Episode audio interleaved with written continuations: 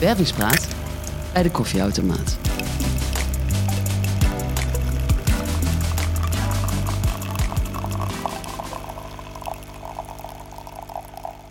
Welkom Anka en Mira.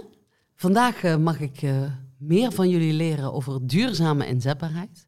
En voordat we de diepte induiken, zou het mooi zijn als eh, jullie wat meer over jezelf vertellen en waarom je, jij nu juist aan tafel zit. Ehm, Anka, mag ik bij jou beginnen? Ja, zeker. Nou, mijn naam is Anka. Ik ben werkzaam als adviseur HRM bij Driesen voor de regio Noord. Ik ben inmiddels negen jaar werkzaam bij Driesen. En ik uh, behandel eigenlijk alle HRM-vragen binnen de regio Noord voor alle collega's, medewerkers en opdrachtgevers. En ik heb ook begrepen dat jij uh, je heel erg verdiept hebt uh, in duurzame inzetbaarheid. Klopt, ik heb een masterclass duurzame inzetbaarheid gedaan enige tijd geleden. Ehm, dat was in de coronatijd ook, dus toen thuiswerken ook heel erg inkwam. En dan is het toch een ander verhaal met duurzame inzetbaarheid dan wanneer de medewerkers op de werkvloer aanwezig zijn. Oké, ja. mooie gelegenheid daarvoor geweest. Ja, denk ik. zeker. Ja. ja. Nou, welkom. Dankjewel. Fijn dat je er bent. Ja. Mira. Ja, ik ben uh, HR-manager uh, bij Driessen, uh, eindverantwoordelijk voor het HR-beleid voor zowel flexkrachten als onze eigen medewerkers binnen Driessen. Vanuit die hoedanigheid veel bezig met HRM-strategie. Duurzame inzetbaarheid past natuurlijk prima in dat palet. Dat kan ik me voorstellen. De strategische benadering is van personeelsmanagement. Oké, nou dankjewel. Nogmaals welkom dames. Term duurzame inzetbaarheid, nou, die horen we met regelmaat voorbij komen. Maar ik heb niet altijd het idee dat iedereen het over hetzelfde heeft. Wat betekent duurzame inzetbaarheid voor jou? Duurzame inzetbaarheid is natuurlijk een heel ruim begrip. Valt ook heel veel onder. Dus dat, ja, dat maakt het wel complex inderdaad. Hoe ik het zie is dat een medewerker, medewerkers het belangrijkste kapitaal zijn binnen een organisatie. Uh, en dat het belangrijk is dat zij op de juiste plek zitten, dat je de juiste match hebt en dat zij langdurig nou ja, werkgelukkig aan de slag kunnen binnen een organisatie. Nou, mooi, een mooie compacte uh, samenvatting. Heel mooi. Het is een ruim begrip, uh, zei je al. Uh, dus vandaar ook dat iedereen daar wel een, een, eigen invulling aan zou kunnen geven. Wat zouden de werkgevers op zijn minst uh, uh, moeten doen? Uh, in eerste instantie het gesprek met medewerkers aangaan, weten wat er speelt bij de medewerkers. wat hebben zij nodig om de functie goed uit te voeren? Hè, dus kijken naar de factoren die daarvoor nodig zijn qua ontwikkeling, opleiding. Ook kijken naar hun persoonlijke situatie van iemand. Ja. en hoe kan die daar langdurig goed mee ingezet worden?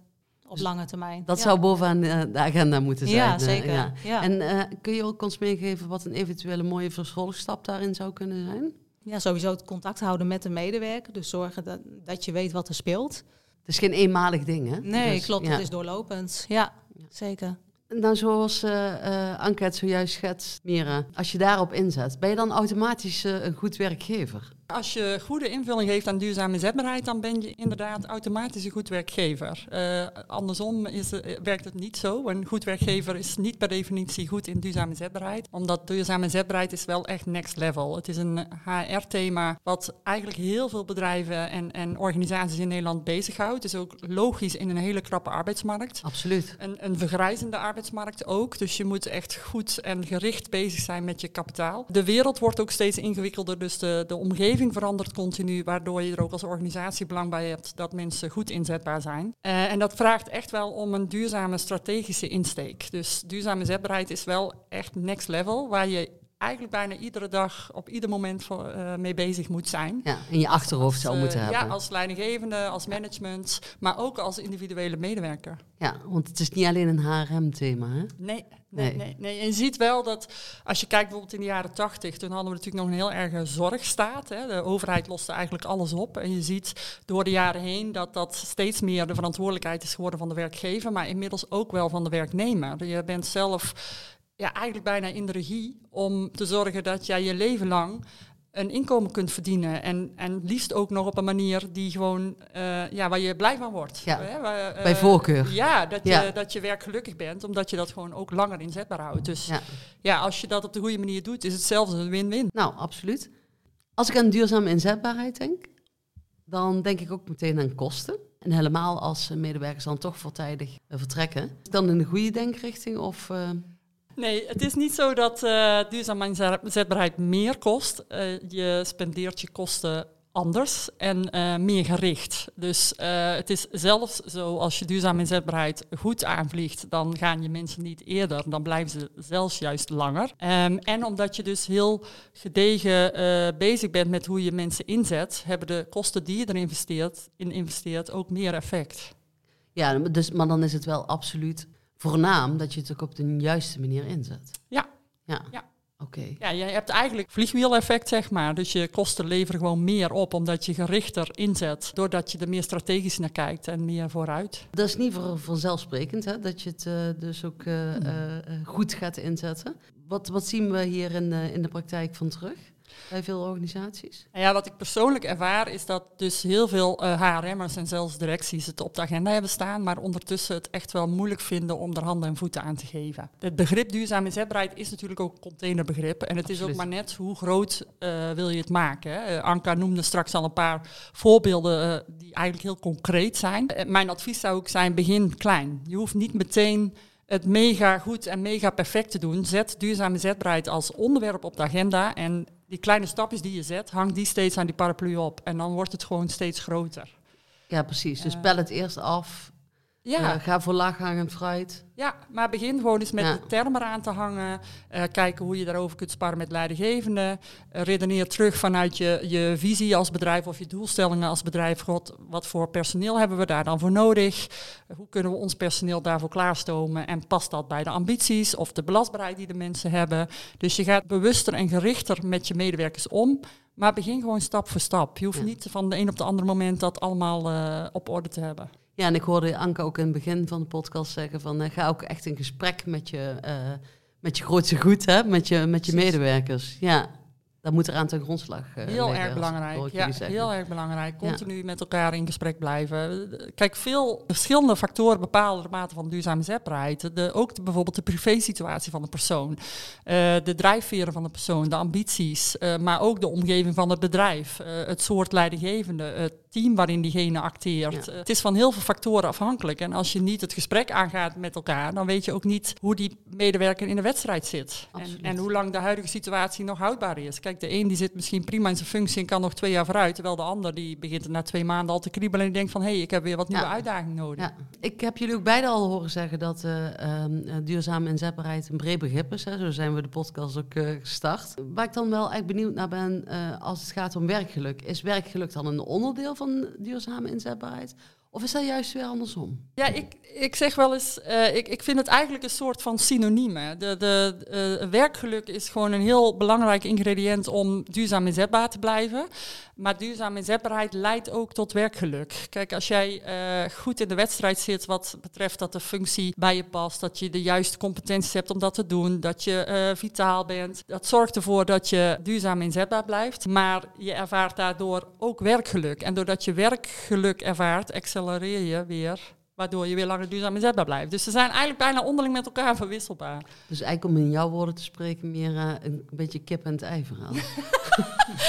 ja, precies. Ja, ja. nou, ja, mooi. En nou is uh, Dries natuurlijk een uitzendbureau, hè? En, uh, voor de luisteraar, hè? specifiek voor de publieke sector.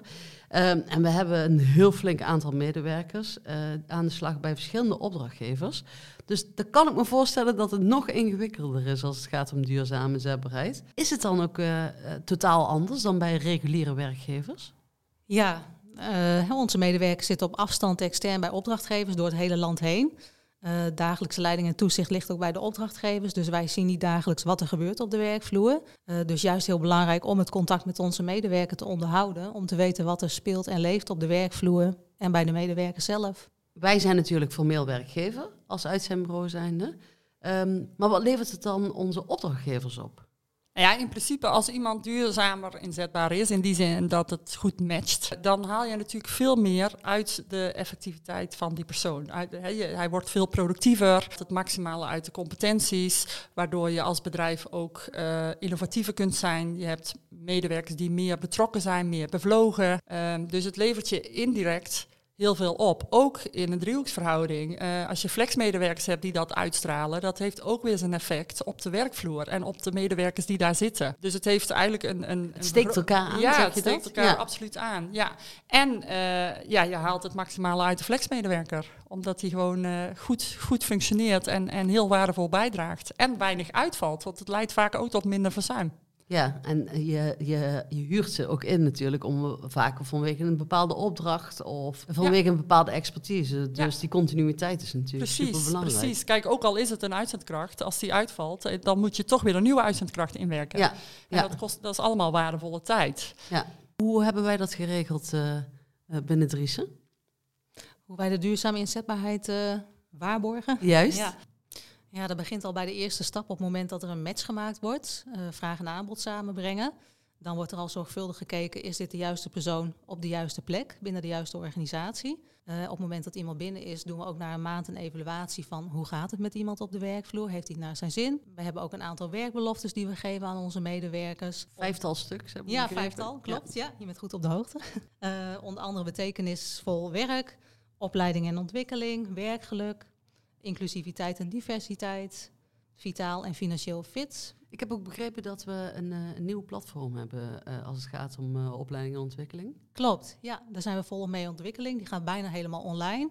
We hebben een heel ruim aanbod met opleidingen, workshops, webinars. En dat is de Driesen Academy. Medewerkers kunnen daar vrijblijvend op kijken wat ze willen. Het is ook heel erg aangesloten op onze doelgroep. Hè? Dus de medewerkers die binnen de non-profit sector werkzaam zijn. Ja. En per doelgroep, per functiegroep is er eigenlijk wel een aanbod met diverse opleidingen. Ja, blended learning eigenlijk. Ze kunnen kiezen uh, wat ze Verschillende vinden. vormen van ja. leerinterventies. Langdurige ja. training of een webinar. Ook wanneer het hun past, hè? Ja, begrijp ik. Klopt. Ja. Dus, uh, en ik heb ook begrepen dat het een dynamisch aanbod is. Hè? Dus we gaan ook echt... Uh, we kijken ook naar de thema's uh, van nu en van de toekomst. Ja. Uh, dus het is niet iets wat in beton gegooid is, begrepen. Nee, het zijn actuele thema's inderdaad. En we kijken ook van welk aanbod spreekt het meeste aan.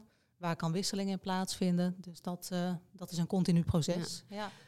En we hebben natuurlijk ook verschillende opdrachtgevers. Uh, dus het is ook zo dat uh, bij Lessons Learned mensen ook de volgende stap kunnen maken. Ja, klopt. Dat uh, klinkt ook heel duurzaam, zou ik ja. kunnen zeggen. ja. ja, en dat kan ook zeker intern bij onze opdrachtgevers. Hè, dat er uh, nou ja, dat op een bepaalde functie de medewerker gestart is en dat hij uiteindelijk doorgroeit naar een andere functie binnen diezelfde gemeente. Ja, ja of uh, ook een verbreding, begreep ik ook, hè, vanuit de rol die ze al vervullen. Ja, kan ook. En daar ja. kan het opleidingaanbod sluit daar mooi bij aan. Ja, perfect. Het kan ook uh, juist uh, op een andere manier. Hè? Dus als het niet uh, intern bij die, die, bij die opdrachtgever helemaal meer goed matcht, omdat de, de, de ambitie daar niet voorhanden is om dat te vervullen of iets dergelijks. en jij zou bijvoorbeeld als individuele medewerker niet direct weten van oh, wat zou dan mijn next step zijn, dan hebben we daar bijvoorbeeld ook weer loopbaancoaches voor die daar ja. over mee kunnen denken. Dus dan, dan wordt het nog weer wat meer maatwerk, ja. zeg maar. Nou ja, en als, ter aanvulling daarop, um, uh, we hebben dat uh, voor uh, mensen waarbij het vanzelfsprekend is om de volgende stap te maken, maar dat doen we ook voor verschillende groepen als het gaat om diversiteit en inclusie. Zeker, ja, super actueel natuurlijk uh, tegenwoordig. Iets wat ik heel erg uh, aanmoedig. Uh, je hebt gewoon hele grote groepen mensen die eigenlijk vaak aan de zijlijn werden gezet, terwijl die gewoon super goede kwaliteiten hebben. Alleen ja, soms net wat, wat extra begeleiding of aanpassing nodig hebben, waardoor het kan slagen. Maar ze soms om die reden juist het werk tien keer beter kunnen doen dan uh, wellicht een ander. Maar dat vraagt wa- vaak net wel even anders kijken naar iets. En, ja. en kijken naar de omgeving, welke aanpassingen zijn mogelijk en nodig om die persoon te helpen. Daar hebben we bijvoorbeeld ook weer jobcoaches voor, die ze daarin uh, kunnen begeleiden. Specifiek daarvoor uh, vrijgemaakt ja, ja, die zijn daar specifiek voor. En die begeleiden dus niet alleen de medewerker, maar ook de omgeving. Dus hè, bijvoorbeeld een leidinggevende, als er werkplek aanpassingen gedaan moeten worden. Of stel dat je een bepaalde manier Behelst, moet, ja. ja, precies, ja. moet hebben om die persoon. Ik heb een voorbeeld, iemand met autisme. Ja, die vraagt soms net om een andere vorm van begeleiding dan wellicht de gemiddelde persoon. En dan uh, wil je het duurzaam laten slagen, moet je niet alleen naar die individu kijken, maar dus ook naar de omgeving. Ja, naar de context. Ja, ja. en de jobcoaches die zijn daar gewoon uh, in gecertificeerd. Die, die, die zijn gewoon specialistisch om daarin uh, te helpen en te adviseren. Ik kan me zomaar voorstellen, Anke, dat er een aantal luisteraars zijn, uh, waaronder uh, onze opdrachtgevers, dat ze denken, nou ja, het klinkt allemaal heel fantastisch, maar ik weet echt even niet waar ik moet beginnen. Wat zou jij eh, eh, deze luisteraars eh, dan adviseren? Ja, het advies is met name maak het klein. Omdat het inderdaad zo'n ruim begrip is, ben je geneigd van waar moeten we beginnen? Het is zoveel, wat dan? En dan laat je het eigenlijk maar wat gaan. Begin klein. Begin met een eerste gesprek met een medewerker. Kijk wat hij nodig heeft. Eh, zorg dat de juiste mensen daarop ingezet worden. Ik kan me zomaar voorstellen dat er luisteraars zijn die denken: hé, hey, hier wil ik meer over weten. Ehm, neem gerust contact op eh, met Driessen of misschien met een bekende contactpersoon binnen Driessen. En ehm, ik ben in de overtuiging eh, dat zij jullie van advies kunnen voorzien. Ik wil de dames bedanken voor jullie aanwezigheid en voor jullie mooie woorden voor vandaag. En dank jullie wel. Ja, heel graag gedaan. Ja, graag gedaan. En eh, we spreken elkaar weer. Zeker. Dank je.